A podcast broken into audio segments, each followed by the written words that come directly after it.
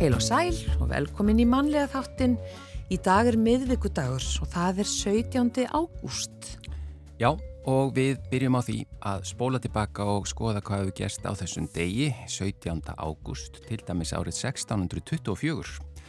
Það var ekkit smáraði. Oslo brann til kaldra kóla og eftir brunan var borgin flutt um set og nefnd Kristjánija í höfuð á Kristjáni fjörða konungi.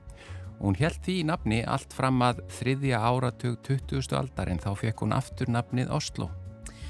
1924 Antonio Locatelli, ítalskur flugmaður, kom til Reykjavíkur á flugbáti.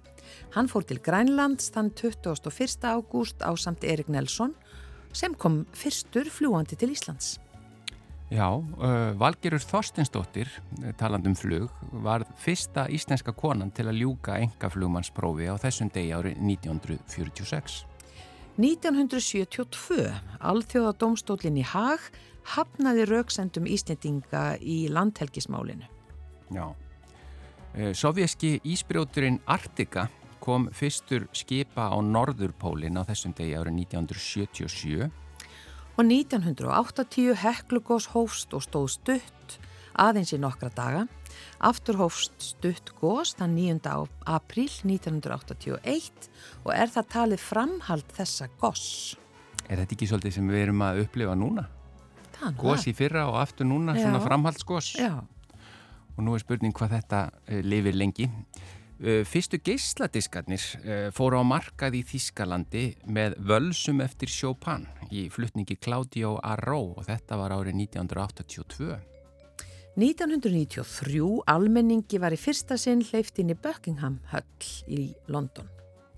Og Harðangurs brúin í Noregi var opnuð fyrir umferð á þessum degi árið 2013. Hefur þú kert yfir hana? Þú varst í, í Noregi. Já, ég bara man það ekki. Já, það er spurning, ég, ég veit ekki eins og nákvæmlega hvað hún er. sko. Nei, e- ekki tala meir um þetta. í, í Noregi bara en uh, yfir í öfni þáttarins í dag uh, við töluðum í gær við Brynju Davísdóttur verkefnastjóra hjá Fuglavend um kostningu á Fugli ársins og við fengum skemmtilegan tölvupóst í kjölfarið frá Jóhunnu G. Harðardóttur bladamanni og kjálnesinga goða þar sem hún tók upp hanskan fyrir krumma landsins hún vil meina að hröfnum sé ekki síndur nægilegur sómi því þeir séu mjög merkilegir fuglar sem hafa þraukað hér á landi líklega talsvert lengur en mannfólkið og hún hefur átt í talsvert nánu sambandi við Hrafna hjón, eða Hrafna par frá árunni 2006 og hún ætlar að koma í þáttinn hérna bara eftir örfá á mínútur og segja okkur meira frá þessum merkilegu fuglum. Já, þeir eru hér allan ársins ring.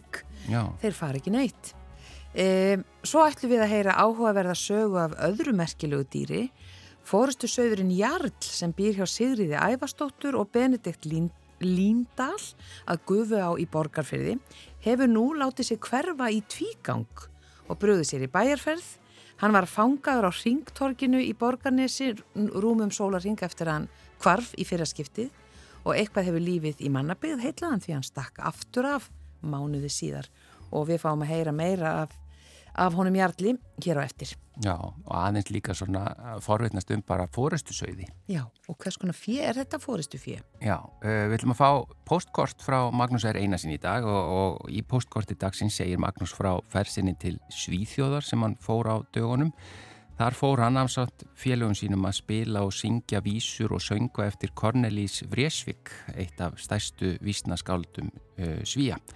Hann segir af ferðum sínum til Karlskróna í Suðri og svo frá gömlum ferðamannastað á austur Gotlandi. Ferðin endaði í Stokkólmi, fegustu borg Norðurlanda sögn Magnúsar og þar var spilað og sungið frá Cornelis, fyrir Cornelis aðdáðundur á fornum veitingastað nálagt miðborginni. En við byrjum á Sölva Helgasinni, það er mannakort sem flyttur lag og texta eftir Magnús Eiríksson.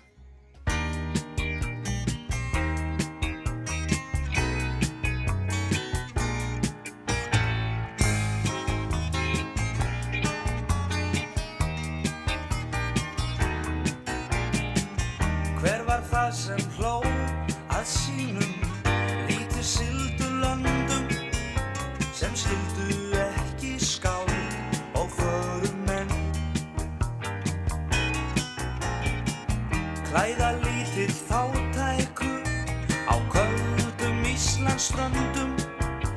Hann kemur fram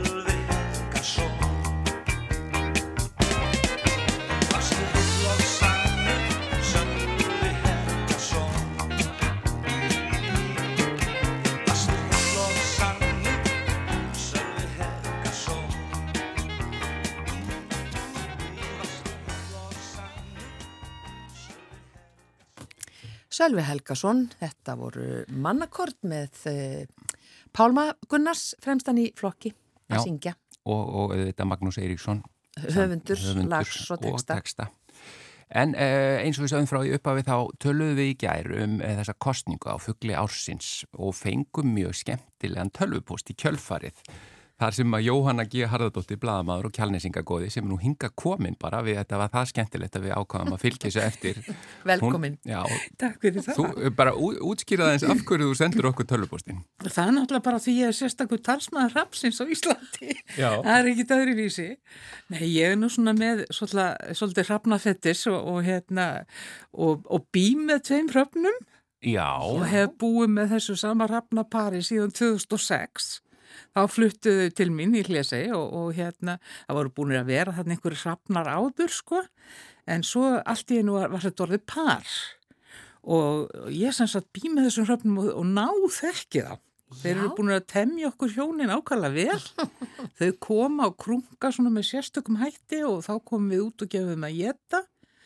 Og þetta er orðið gagkvæmt sko. Nú getum við kallað á parið og, eða flautað á þau og þau koma og þau þekkja bílan okkar sko. Þannig að þau mæta þegar við komum heim og svona. Þetta er mjög skemmtilegt sambíli. Þetta er bara gæludýr á heimilinu Já. í rauninni. En Já. þú segir þetta hófst 2006, Hver, og sko, hvenna ferða átt að já, býtu, þetta er bara alltaf sömu rafnarnir. Já, það var með 2006 sko, Já. það var búið að vera þarna svona hrafnar að koma og fara og, og hérna, en svo fóru þeir að vera bara tveir saman alltaf Já, og sátu alltaf á sama staðnum og voru svona greinilega par sko. Og þeir eru búin að vera þarna alltaf til síðan og, og hafa stækkað mikið, þetta er náttúrulega stríðalið, Já. ímyndað Hva, hvað er það að gefa þeim? Við, þeir geta nánast allt sko, við gefum þeim dálítið mikið fytu já, og við gefum þeim kjöt og fisk og svona afganga almennt sko, þeir hins vegar borða ekki grænmeti. Nei. Og, og sko eitt sem að sko þá, þá horfðu þeir bara á mig og ég sá bara í augunum ert að grínast þarna, kettlum, ég þetta sjálf þá var það sko skata Já, þarna er ég sammálaðið. Þá, þá, þá bara, nei takk. Já. Já. En þeir eru ekki matvandir sko. En sko, uh, þú fóst bara í tölvupóstunum, þá bara saður við okkur hversu merkilegir fugglar þetta eru að að, Já. og þeir eiga náttúrulega sögu sína miklu lengri kannski en við mannfólki hér á Íslandi. Já, við, sko, þ- sko, saga þeirra á Íslandi er ja- náttúrulega jafngömmul okkar og það getur hrafna í, í, í landnámu og, og hérna þeir eru náttúrulega svona svolítið örlaga valdar í að finna landið og, og það er, etturnar eru fullar af sögum á hrafnum því að hugin og munn voru til dæmis fuglar óðins Já. Og svo náttúrulega bara þjóðsögurnar okkar. Já, hvernig er hafa varað fólk við Já, náttúruhamförum Allt og... mögulegt, alls konar skemmtilega þjóðsögur og svo náttúrulega bara þekkir nánast hvert einasta mannsbarn á Íslandi hrappn. Já, Hvort sem að fólk kallar á nú krumma eða hrappnin að, að Íslandinga þekkja þennan fugl Já. og hann er bara, hann er bara hluti af, af þjóðinni líkur við. Hann er náttúrulega hérna allan ásins ring og þraukar hérna með okkur bæði eh, í blíðu og stríðu og hann er líka mjög tengdur manninum. Það er svo skemmtilegt hvernig hann tengir sig manninum og öðrum dýrum á landinu sko. Já. En eru sko, er hérna, eru hrafnar eða krummar, hafa þeir ekki kannski, að því þú nefndir hérna, þeir njótið kannski ekki sannmælis, eða svona, eru þeir ekki, er tengingin við hrafna, hefur hún verið neikvæð eða er hún, Ég held nú sko, jú, jú, það það er náttúrulega til fólk sem er illa við hrafna og, og, og, og þeir, það, bændur segja þeir gati hjá sér hérna plastið og svona ímislegt svona. Já, en svona öllu jöfnu þá er fólk, ef, ef þú þekkir hrafnin, þá þykir ég væntum hann. já, Og það að fólki sé illa við hrafna, þá er það yfirleitt vegna þess að það þekkir ekki hana fugg. Mm. Og kannski einhver hjátrú að þeir hafi bóðað Já, eitthvað slæmt. ég held að það sé nú svo bett fyrir liðin tíð Já. hjá þjóðinni að, að trúa á þessa hjátrú, sko. Já. já, En, en, en það er bara þekkjan og þekkja, sko, hvernig hrafnin, þetta fjölskyldumunstur hans. Vegna þess að hrafnin er náttúrulega fugl sem að lifi lengi, þeir geta orðið fertýr, sko. Og þeir eru, þeir para sig ekki fyrir svona fjögur að fimm ára gamlir já, og þá para þeir sig fyrir lífstíð Já. og eru bara saman. Og það eru það sem að við köllum óðalsrafna. Þá finna þessi stað, þar sem þeir gera sér laup og þar eru þeir og, og, og hérna þeirra ungar komast upp þar og þetta er svona fjölskyldum minnstur sem að þeir hafa. Og það er svolítið gaman að þeim hvað það varðar. Mm. Og hjá okkur til dæmis, og bara náttúrulega allstaðar í landinu, þá eh, verpa þeir, þeir byrja mjög snemma, fyrirheldur en uh, farfuglarnir mm, og þeir eru farnir svona frá okkur svona eh, upp úr miðjum apríl til að verpa Já. og þau hjálpast mjög vel að.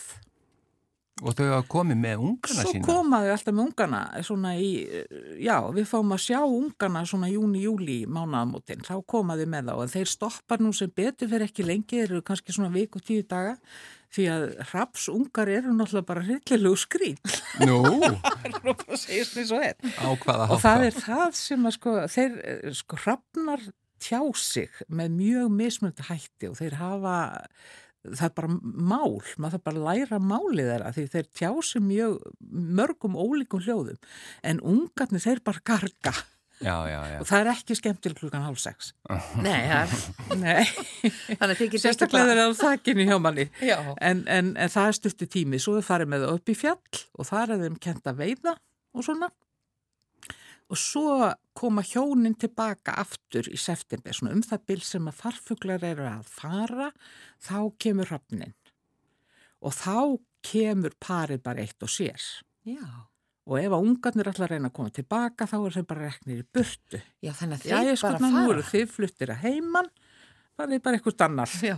En þetta þið, hafið þið gefið þeim nafn? Þau, þau heita hugin og munin sko, sem er náttúrulega bara persónulega sko, mitt, eða bara því að þetta er uppbólsnafni mín fyrir Já, Þannig, Og þú ert með sko hrafna tattu, Já, heyrði ég, húflúr. þegar ég var 60 þá ákvaði ég að vera nóg fullorinn til svo tattu. Ég sé þetta bara, bara á höndunum. Já, Á á, á, á handlegnum, framhandlegnum, já. Já.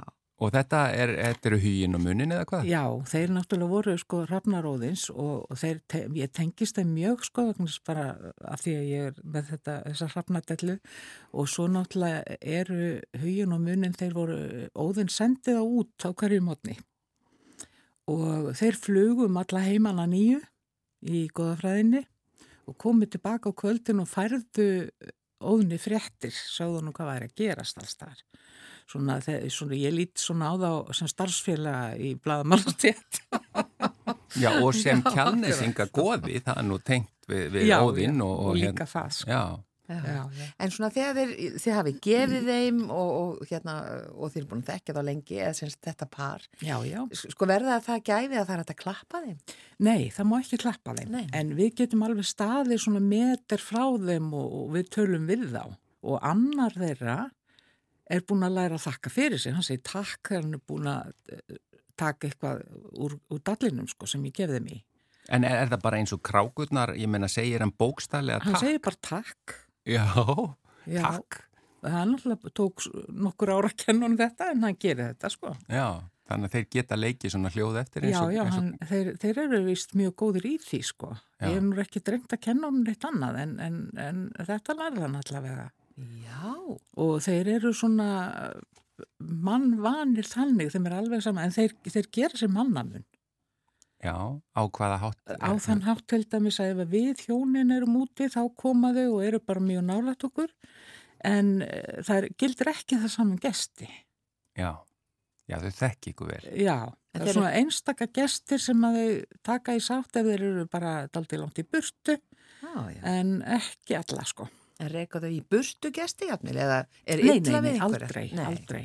Þannig að þeir eru ekki þeir eru svona... mjög kurtið sko, þau eiga svona sitt set pláss og eru bara þar sko. En, en þeirra heimili, laupurinn, eh, hafið þið eitthvað farið í heimsók til þeirra? Nei, við hins vegar sjáum það, sjáum laupin heimanna frá okkur Já, sko. þið vitið hvað það er. Já, þannig við vitum hvað það eru og þau hafa verið mjög dögla, þau hafa verið að koma með svona þrjá og núna í ár voruð með sex unga. Já. Það er mjög mikið sko. Já en það skiptuðu með sér uppbyldun í ár, það, þau voru með þrjá kvort. Já, já. Þannig að það er svona svolítið sérkennilegt að sjá það þau voru að kenna þeim að fylgjum svolítið með þeim að upp í fjalli sko og þau voru með þrjá, þrjá unga kvort sko. Ah. Þetta verið alltaf stór skafið fyrir mikið, mikið lómegð. Og svo er svo gaman alveg bara þeir eru svo, þeir, það er svo mikið tjáning í rafninum og alltaf flugfimi rapsins er svo einstök Já. að það er nú bara unun á að horfa hvernig hann leikur sér í vindinum og, og það bara er engin fuggl eins og hann Nei. það er nú 17 tegundur sem verpa þarna í kringum okkur og, og það er engin sem kemst nálat hún sko, Nei. í skemmti að tröðunum Já, og svo er hann bara líka svo glæsilegur svona allur svartur og stór og með... Gljáandi. Já, já, hann er það. En og þegar já, okkar eins og, eins og hjá okkur sko, hann er, þeir eru orðnir svo, þeir eru náttúrulega vel fóðræði sko. en þeir eru mjög stórir og þeir eru svo svartir, það er svona fjólublá slikja á þeim sko. Já. Akkurat. En- En, hafa þeir ekki verið stundum að stela eða svona Já, taka einhverja svona hluti? Já, það hefur ekki Já. svona horfið eitthvað hjá ykkur en það hefði ekki fundið aftur? Nei, en, en hins vegar þá hérna færðu þeir mér einn svona bílíkil Nú? með mjög fallega steina og já, þau koma stundum með svona dót og skilja eftir sko. Já. Þannig að einhver stöðar er því stólið og ég veit ekkert hver átt þennan bílíkil en ég auglist hann á Facebook og svona til vinnan og enginn er fundir en það fylgdi því miður engin bíl þannig að Það er kannski næst. það er aldrei að vita sko. Já, en sko, að því við vorum að tala um kostningun á fuggli ársins í gær og þá er nú bara hreinlega þeir fuggla, nú veitum við ekki hvaða fuggla komast í úrslitt en það er verið að auglýsa eftir umbóðsmönnum þeirra fuggla eða kostningastjórum. Kostningastjórum Beint við eftir þetta, þú þetta, bara, það tekið af mér alveg reynd sko. Já, Og við erum búin að vera En- að taka það okkur. Við Gunni bara að eiginlega svona, hérna, að svona fá fólk til að vera kostningastjórar. Þólildur Ólastóttir, hún ætlar að vera kostningastjóri kríunar, já, já, ef engin annar býður sér fram. Já, já, ef að krían kemst í úrslitt. En ég vil þá endilega nota tækifæri mitt sko sem uh, þá nýkjörin sko Kosningastjóri. Já, rúsneskri kostningu Já, hér. í þessari rúsnesku kostningu sem við farið fram hér með, með er fuggl sko sem að bæði er með okkur allt árið og Já. mér finnst það til dæmis sko vinsalda kostning annað heldur en, heldur en þjóðarfuglin. Það er ekki búið að velja þjóðarfugl. En, en sko hrafnin er náttúrulega og getur aldrei annaður en þjóðarfuglin okkar vegna menningarlegu tengslana. Menningarlegu eh, tengsl hrafsins eru svo sterk Mm. við bæði sem sagt já, sögur við, við, við Tónlist? hérna, í, svo ég tala nú ekki um það og, og bara þetta þjóðsögurnar og eddurnar og allt þetta. Og svo náttúrulega heyrum við bara málinu, íslenskt mál. Það er svo mikið sem að tengist hrafninum. Við tölum um sko það er fullt af blómum sem að heita eftir þeim eins og hrafnaklukka og hrafnablaðka og, og hrafna, hvað, eitthvað fleira já, hrafntinna náttúrulega steinn sem að er vel þekktur, Já. steintegund svo tölum við um hrafnaklór og hrafnaspark og hrafnaþing og hrafnsvartur og að vekja hrafnana ef maður rífis upp snemma mótnana, þú veist það er alls konar svona hlutir í okkar máli sem tengist hrafninu Já. Já, Þannig að hann er svo stór hluti af okkar sögu og menningu. Ekki Já. spurning. Jóhanna G. Haraldóttir, þakka þér fyrir að ég, sko, þú ert búin að koma ímsu á framfæri hér, þú ert líklegast orðin kostningastjóri, ég veit ekki við erum að tala við fugglavendu um það og, og svo ertu búin að koma með þessa tilu, þjóðarfugglin, Já, En takk við þurfum að ákveða það. Já, Já. það er bara einmitt. Ég vissi ekki bara að við hefðum ekki þjóðarfugl. Nei. Það er aldrei merkilegt. takk innilega fyrir komuna í mannlega þáttin, Takk Jóhanna. Haraldóttir.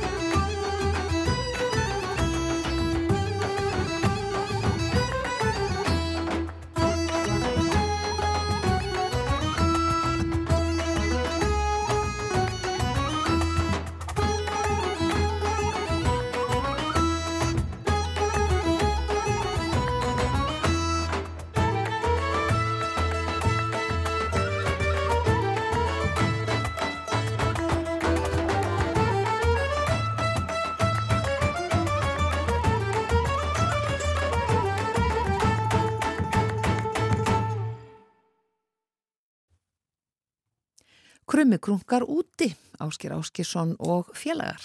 Já, eins og við sögðum frá upp, upphafi og þetta er svona doldi dýrathema í þættinum í dag. Áðan var það krummin en nú er það eh, ekki bara hrútur heldur fóristu sögðurinn Jarl og á línunni er Sigriður Ævarsdóttir, kontu sæloblessuð. Já, sælobless. Þetta er merkilegur uh, fóristu sögður uh, Jarl, ekki satt? Jú, mér finnst það náttúrulega rosalega merkilegur og skemmtilegur líka. hann, hann er með mjög sjálfstæðan vilja greinilega því að, að, að hann hefur stungið af og bara farið, haldið til byggða eða hvað, ekki bara Já. einu sem heldur tvísvar. Já, nákvæmlega sko. Hann ánáttúrulega ekkit erindi þánga sko. Hann er fættur hérna svolítið fyrir Norðan Borgarnes og hefur aldrei farið það nefnir fyrirsum og setnipartinni fyrirsum og fór hann, fór hann aðeins upp á, já ekki eins og upp á fjall sko, hann fór á jærð hérna upp í Flókadal, var það bara í túninu fram eftir hösti og þannig hann þekkir sig ekkert annar staðar en hér og svo þar aftur. En hérna svo bara ef, við erum með þessum statfunstar sem ég hérna og hann hefur verið svona hluti af því að, að svona sína sig hérna fólki sem er að koma til okkar í, í geitalab meðal annars. Og og hérna og svona til að sína fólki líka bara þessi, þetta fórustu fjö og hérna og hann er, semst, hefur verið hér bara í sumar til þess, hann fættist semst í fyrra, fyrra sumar og hérna en svo bara tekur hans allt í henni til fyrir Vestlunmann helgi, held að vera á föstu degin og þá er hann allt í henni á horfin, við fórum semst að bæ við hjónin. Mm. og þegar við komum tilbaka þá komum skýta veður og, og hérna hann vil komast inn á kvöldin og inn í hús og svo undir þakki og hérna og það var svo mikið slagveður og ógeð að ég hérna, nefndi ekki að hlaupa yfir í fjárhús og setja hann inn og ég vissi að hann láð hann eitthvað stærri eða ég myndaði með það, hann læði þarna við húsin bara í skjólu og veisti svo sem ekki dumman nema næsta morgunna þegar ég kem út og held að hann væri þar og þá var hann ekki þar og ég hugsaði já ok, hann fari bara hérna eitthvað út út á túnið eitthvað að geta og, og hérna, en svo skilaði þess að ekki allan daginn og kvöldið fór ég að leita og sá þá hann var bara hverki hérna og, fór, og næsta morgun sett ég síðan inn í auglýsingu bara að því að ég vissi það hann myndi kannski þvælast eitthvað sem hann átti ekki að fara og hann var aðalega að hugsa um að þvælst ekki nýra á veg. Nýra á þjóðveg sko. Og hérna og þá var mér eiginlega svara, svara strax ég er enda raksti á veiðimenn hérna við Anna hjá okkur, ég spurði hvort þér hefur séð hans deginum áður og þá og er með mynd í síman og þá sögust þér hafa séð svona mjög sýpað þessar hrútnir á allansólju Býta á allansólju Já, sem er alltaf við þjóðvegin Já, við erum utan borgarna sem ég leist nú ekkit á blíkuna því það er náttúrulega alveg bara við hlýðin á þjóðveginum og, og hann náttúrulega kann engar umfyrðarreglur eða mannarsliðin okkur skapaðan hlut og, og ég vissi að nýra hluti vandraða þarna ef hann færi þarna eitthvað að þvælast út á veg sko. Mm. Svo við förum þarna strax um morgunin að leita en fundum hann ekki en þá lág hann við hliðina á ringtorkinu fyrir utan borgarnis bara í kafi í grasi og við keirum bara fram hjá hann og sáum hann ekki En síðan þegar ég setja auðlýsingu inn á þarna svona borgarnesgrúpu þá fæ ég strax svar sko frá, frá ímsum og, og, hérna, og það er þarna einn sem er með því að þarna rétt fyrir utan borgarnes bara við húsasmiðuna sem, sem að fangar hann fyrir mig. Þá er hann skilst mér bara hérna á umfyrirvegin að þvælast og það náttúrulega er ekkit, ekkit grín í trafíkinni sem var þarna fyrir Vestlarmanna helgi að, vera með hrút þarna á eiginu sem kannski ákvað allt í því að lappa yfir göttuna sko þegar bílarnir er að keira og og hérna, en þetta slapp allt og, og hérna, við fórum bara og náðum í hann og hann kom heim og ég held sagt að segja að bara einhver hefði verið að fýblast þarna því við vorum deginum áður hérna í burtu að einhver hefði bara rekist á hann og fundist hann eitthvað fyndin og tekið hann inn í bílmæsjur og, og svo hérna bara séð að þetta var nú kannski ekki góð hugmynd þegar við varum komin undir hestasakverfi og henda hann út þar sko. Hvað er þetta Því... mikil vegalengt frá ykkur niður að ringtorkinu? Þetta eru svona einhverju 7-8 kilometrar. Já. Þetta er ekki, ekki það langt sko. Já ekki svona í beitni línu Já. ef hann hefur farið þar. En í rauninni áttan að geta geta komist þar það er fullt af hliðum og gerðingum á, á leiðinni en einhvern veginn að þá gera það nú samt. En, en eins og ég segja af því það var ekkit alveg opið þá hugsa ég það er bara einhver, einhver kýftur með. Þannig að þegar var búin að vera í straffi hérna heima eftir þessi, þetta aðeintýri í einhverja tíu daga þá hérna ákveði leifunum að fara bara út aftur og fylgist bara með hann og hann var bara alveg rólegur hérna allt í hennu kvarafastur þá list mér nú ekki það sko. Þá svo ég þetta hlut að vera bara eitthvað sem hann verið að taka upp á sjálfur en ekki einhverju fara með hann og, og hann fór bara á sama staðila sko. Hann fór bara nýri hestur sem hverju þú heimtist þar í gær. Og aftur á ringtorkið eða hvað? Nei, hann var bara leginn þanga sko. Það var bara næsta stopp sko. Allar solja fitt kannski. Þannig að, þannig að nú vitið þið svona um það bil hvert hann ætlar ef þið, ef þið missið á hann Já, sko, það virðist allavega hafa verið þessi tvö skipti en hann fór ekki beina lína því að það, það fréttist af hann hérna vestu við langa sko. Þá er hann að taka rosalega króka ef það hefur verið hann. Þá er hann að taka alveg stóra uppegi og fara, bara vestur á langa og síðan niður með áni og svo finna, finna svona reyðslóða sem liggur þar í gegnum mýratnar og í gegnum, gegnum þær og í áttina hestusakverfinu og lendi þá nýri í hestusakverfi. En viðstu, ég, ég bara veit ekki, veit ekki hvort það var hann. En þetta er kannski félag... En... Er hann þá, hérna, vill hann félagskap eh, við hestana eða hvað? Nei, sko hann er með hesta hérna heima og, og geitur en það er engar annar, aðra kindur hérna. Hann er sjálfsagt bara að sækja í einhverja rollu sko. En En þær hafa hann sátt við einhver staðar á leiðinni, hefði ég nú haldið áður en hann komst nýri hestus og hverja, hlýttur að hafa reykist á einhverju rótlu einhver staðar á þessari leið sko. Þetta er ekki eins og með hundana það að, að tíkurna fara á lóðari og þá koma rakkarnir? Nei, ekki, ekki þannig sko, en ég menna fengitími hérna söðfjára, það er ekki þessi tími sko í fyrsta leið og svo í öðru leið þá er hann geltur hann kannski bara átt að segja á því hvað það þýðir. Hann veit ekki greið sjálfur. Nei, hann veit ekki sjálfur sko. En, en sko hann er líka, hann er líka bölvaða dolgur við rótlarna þegar þeir eru hérna heima. Ég ætlaði að hafa hérna kynna hann í sumvarinn, hann var svo frekur og, og mikið lúði við hann að ég hérna bara setti hana bara upp í, upp í fjall sko. Æj, æj.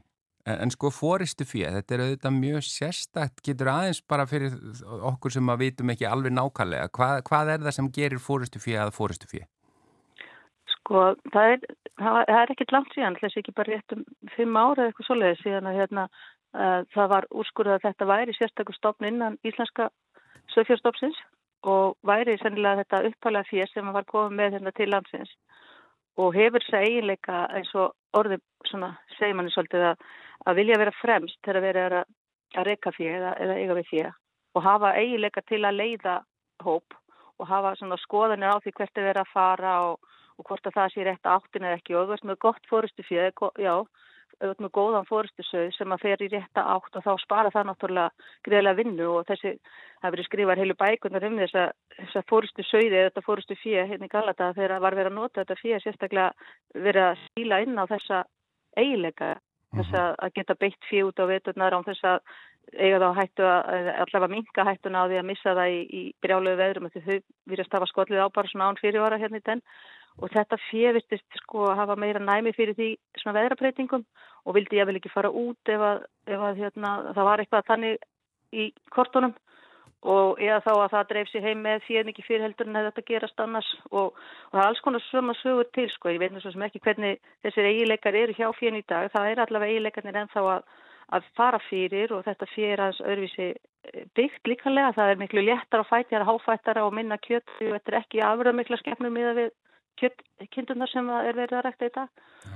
og þannig að þetta var í rauninni kannski fyrst og fremst þetta fyrir að rækta út á skynnseminni þannig að þeir eru skemmtilegri, það er skemmtilegt að temja það er ekkit sérstaklega skemmtilegt að temja venjulega rollu til að fá það til að gera eitthvað. Það er, ef það er að teima til dæmis það er bara að leggjast niður og, og það er sjálfst hægt að kenna þeim að teimast og allt það en það er allt öruvísi vinnubröð þetta bara, kemur bara eiginlega sjálfkrafa um leiðu þið skilja hvað það er sem það vorst að byggja um og þá þá lappaði bara með þér á slökun taumi sko.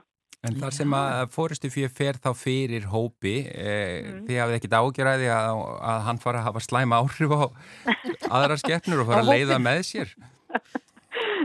Það verður svona gengi sem fyrir sveitir hér og svælist á ringborkum. Já, allrænt gengi. Ég veit það ekki. Ég var ekki, já, gengi. Það er ekki, hérna...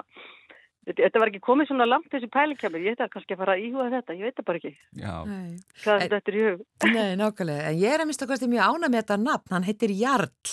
Já. Þannig að ég fór einhvern tíman í sumabústa þar sem var svona spil sem hétt mm. hrútaspil og þar voru já, myndir af alls konar hrútum og, og nöfnið þeirra og það var eitt svona mjög flottur með hérna, stóra mikil hort og uh, hann, nei hvað segir maður, Horn, jú er þetta ekki Horn? Jú, jú, jú, jú, jú, jú. Og nafni hans var Mango mér fannst svona dáliti niðurlægandi fyrir hennan uh, flotta sögð Já, Já þetta verður örgulega passa ákveld á hann þegar hann var lítill og sætur sko, en svo óks hann bara upp á nafninu hvernig greinlega En Jarl hljómar miklu betur.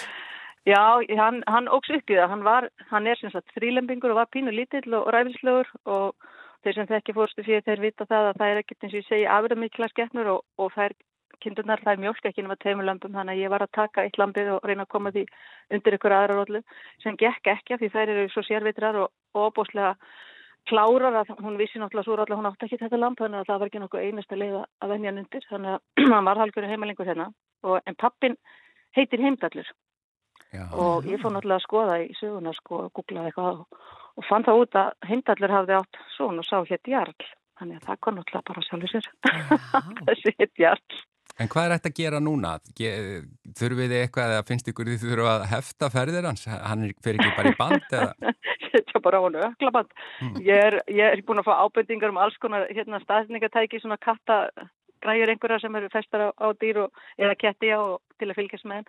Ég hugsaði um jáfnvel ég splæsi eitthvað svoleiðis, bara svona til vonar að vara en, en hann verður nú alveg hérna innan gýringa núna bara eitthvað áfram sko þess að ég segi það er alltaf í lagi þó að tvælist í nefn það er nóg land hérna og allt það en, en, en það verður ef hann fyrir að fælast alltaf semst í mannabýður og, og í, í bílaumferð það er náttúrulega bara gengur ekki sko. Já, Já. Við kannski byggjum bara fólk sem er að keira þarna um uh, að svona líta bara varlega í kringu sér dragans úr hérna hraðanum og, og hérna ef það skildi nú sjá. Jarl hérna einhver staðar? Já, já Það er, það er svo sem alltaf ágætt ef það eru, eru skemmtir einhver stað nált en það er bara ekki derindinn á eina sko, það er bara... Ég held að þetta ringtorg verði núna að fá nafni Jarlstorg, það er engi spurning. Veistu, það er alveg, alveg rosalega gaman að fylgjast með því, sko, í rauninni kemur svo mikið og óvart hversu eh, fólk hefur mikið áhuga á einhverju svona. Ég seti þetta inn bara til að ef einhver skildin að hafa séðan einhver staður og það er bara var alveg, vissu bara allir einhvern veginn um þennan sögð strax. Já, já þetta er bara áhugavert. Þetta er mjög já, áhugavert. Er... og svo bara rétt já, í lokin, þið eru líka með e, þarna á, á, að gufu á í borgarfyrði, þú og Benedikt e, mm. eru þið, eh, eins og nefndir á þann, þið eru að bjóða fólki upp á það að koma í göngutúr og að leiða geit. Já, akkurat. Ég er búin að gera það núna, þetta er þriðja sömari núna sem við erum að gera það og það er bara alveg ótrúlega vinsalt. Ég hef nú ekkert verið að auðvisa þetta svo sem eitt mikið. Þetta er inn á Airbnb Experience og er þar sem sagt bara með fimm stjórnur sem eina af topp upplifinu sem fólk bara getur lend í þegar það kemur til Íslands. Bara að sama og fara að skoða eldgós eða eitthvað. Þetta er alveg, alveg svona upplifin sko. Ég er ekki alveg að skilja það en þetta er, það er stærðin sko. En verður bóðið upp á að leiða jarl? Sko hann hefur nefnilega mitt oft verið rúslegan í pilsöndan þegar fólk kemur úr geitalabunu eða er í geitalabunu þá hefur hann oft verið að þvælast á vegi okkar bara það sem hann er á beit. Og hann er svo mikill dúti að hann þarf náttúrulega að fá aðtegli og kemur þá með og er ofslega skemmtilegur, hann er bara svona svolítið eins og óþökkur hundur eða eitthvað með okkur. Og hérna og fólk er, ég vil að fá að teima hann sko, það er ekkert máli að skella á hann múlu og teima hann ef að, ef að það langar og við hefum alveg gert það líka sko þannig, og þá segja náttúrulega fólki frá þessu, þessu fér, þetta er ekkert eitthvað fér sem þú sérða annars staðar, þetta er hvergir okkur staðar til í heiminu svona férnaður eins, eins og þetta vorst fér sem við eigum hérna. Og mér finnst alltaf voru svo skrítið hvað er e, Íslendikar eru ómeðvitaður um það hvað er eiga þarna svona alls konar svona gimsteina sem eru bara svolítið skítuðir og faldir og fólk veit bara ekki almenna um að sé neitt merkilegir Já. En nú vonandi, það eru er alltaf miljónir mann sem hlusta þennan. Já, já, miljónir alveg. Um allan heim. Já, um allan heim, já. Sigriður Ævarsdóttir, takk fyrir að segja okkur af Jarlí og við byrjum að hilsónum og nú ertu komið fleiri sögur til að segja túristónum sem koma. já, akkurat. Best, Gerir það. Bestu hverjur og takk einlega fyrir. Já, takk, takk sem leiðis. Bless. Bless.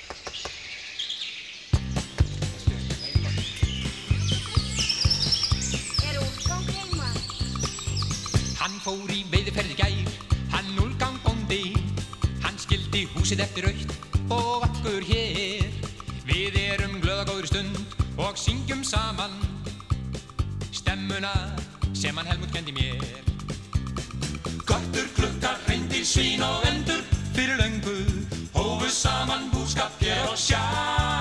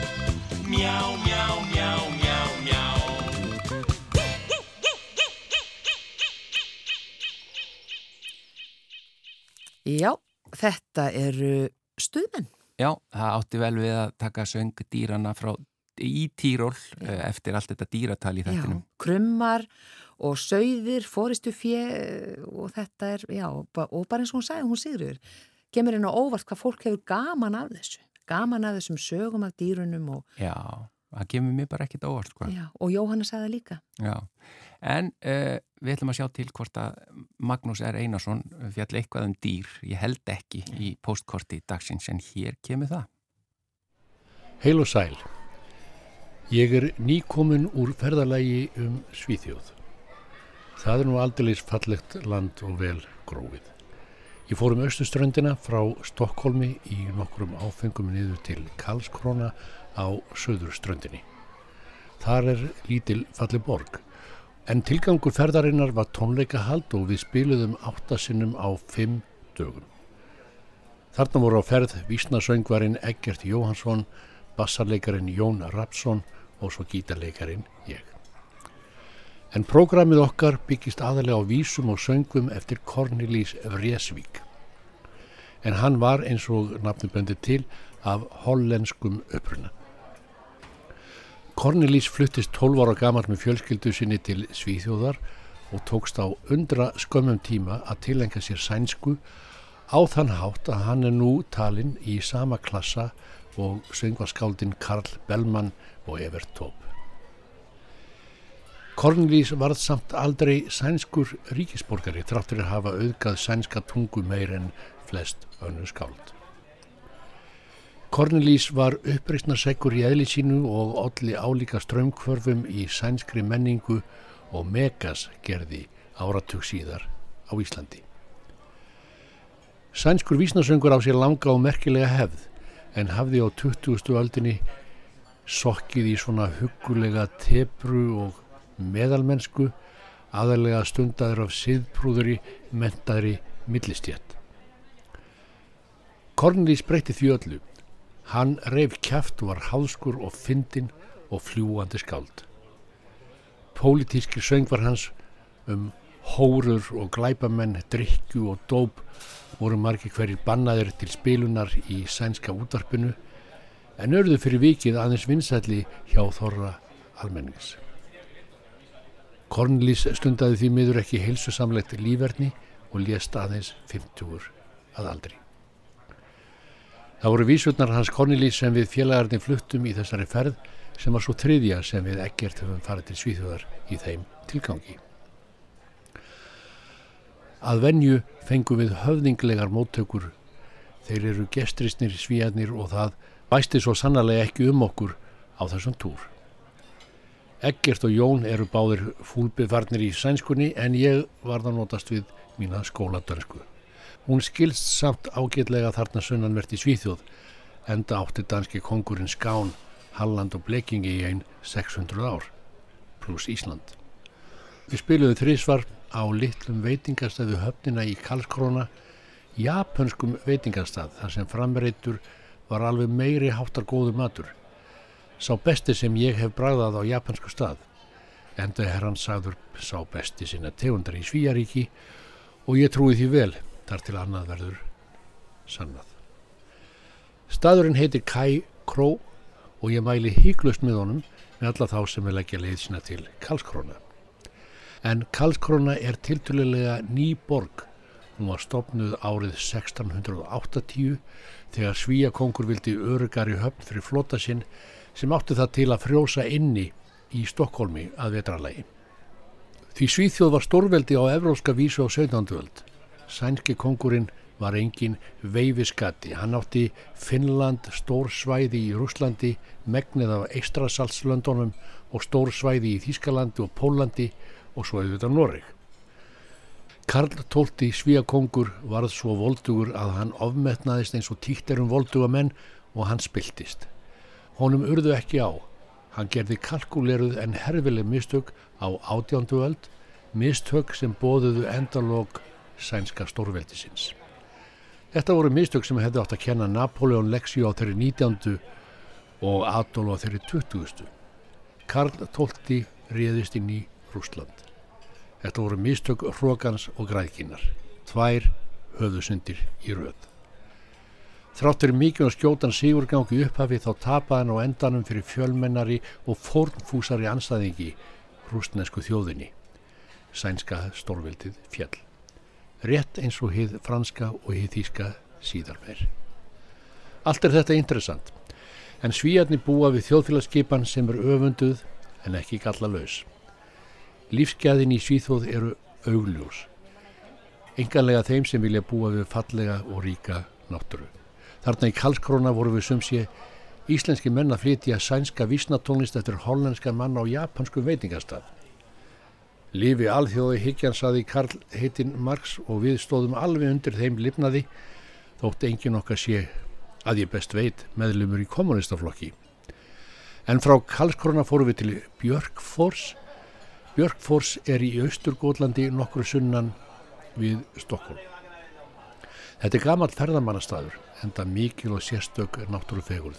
Vötn og skóar, fell og klettar, dádýr og skóardýr, gömul falli hús, bryggjur og bátar.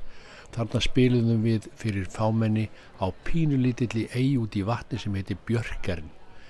Eigin heitir Valu og þar er yfirbyggðu danspallur eins og er við að finna í sveitum svíþöðar. Ofar á einni er veitingastæður þar sem pantað er í gegnum lúu og sama fjölskeldan hefur reiki staðin í nokkra mannsaldra. Mamman er eitthvað plássið en krakkarnir, dætur, sínir, frænkur og frændur sjá um matselt og tjónustu. Allt er þetta svo gamalt og gróið. Borð og stólar hafa aðalagast hallandi landslæginu og það er rúströður litur á öllum byggingum. Og þegar maður stendur þarna komandi úr veðrinu, þokunni og rókinu í eigum þá finnst manni valu vera sem næsta stoppistöð á undan etin. En það er snákur í hverju paradís eins og danskurinn segir.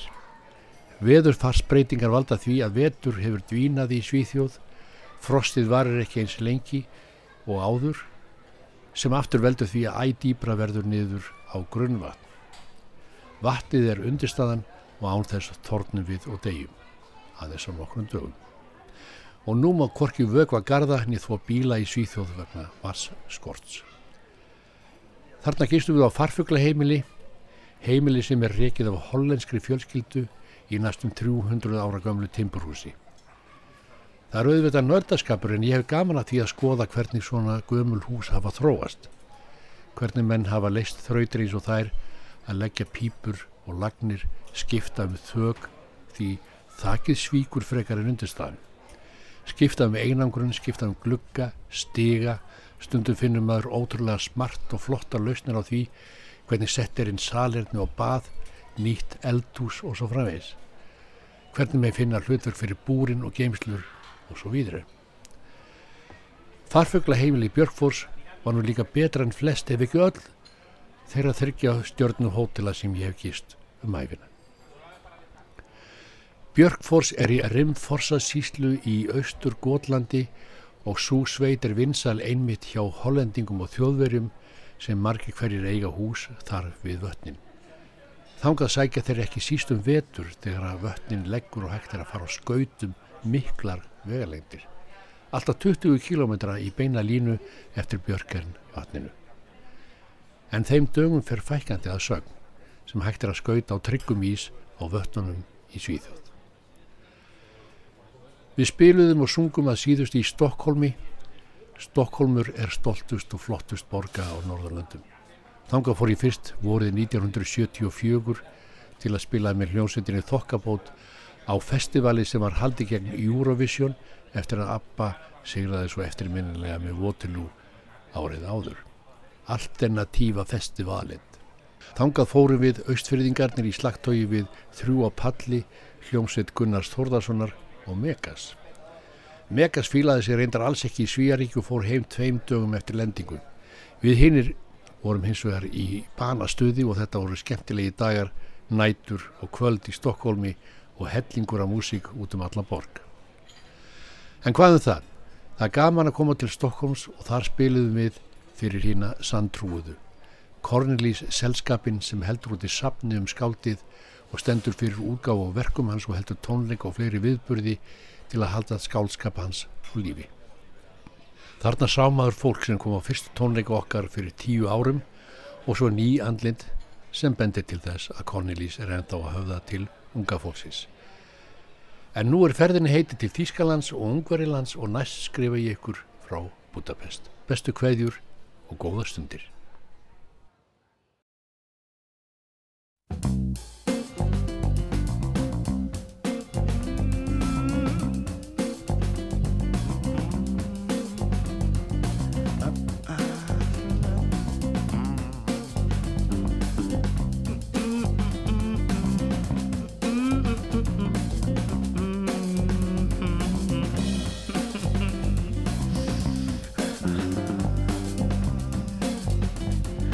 Dansar jag vals, nej det passar ej alls unidistens attityd.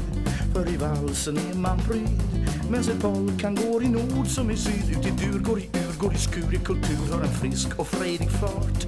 O vad det är underbart att få naken dansa polka. Hoppsan sa sig upp i svängarna Hoppsan sa sig upp i svängarna. Polkan går på gröna ängarna Polkan är nudistens musik. Och hur skönt att utan kläderna Långt från hala dansgolvbrädorna Dansa på i sommarkvällen Polka naturell, naturell, naturell. Och vad polkan gör mig säll. Hej! Sönder glädjen bland nudisterna. Luft och sol utplånar bristerna. Ifrån gässan ner till visterna. Att vara naken gör ditt sinne rent. Riefade, riefade, riefade, la la la hoppsan sa, inte dansar jag vals Nej, det passar dig alls i nudistens attityd. För i valsen är man pryd men se polkan går i nord som i syd Ut i dur, går i ur, går i skur. Det kultur har en frisk och frejdig fart. Och vad det är underbart att få naken dansa polka. Hoppsan sa sig upp i svängarna. Hoppsan sa sig upp i svängarna. Polkan går på gröna ängarna.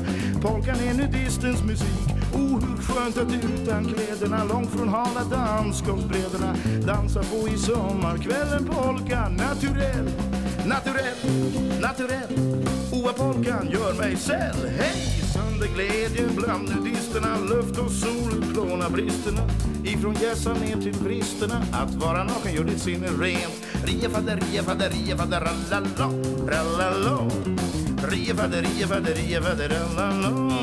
Hoppsan så! Nútist Polka heitir þetta lag með Cornelis Vresvík. Já, auðvitað urðu við að spila það eftir postkortið frá Magnúsi. Já, fjallaði aldrei mikið um einmitt e, e, lögin hans og spilamennsku Magnúsar og félaga sem þeir ferðuðust um. Já, uh, en þetta var bara síðasta lagi í þettinum í dag. Já, á morgunni 50 dagur og þá verðum við aftur hér 11.03. Við heyrumst aftur þá. Takk innlega fyrir samfélgina. Verðið sæl.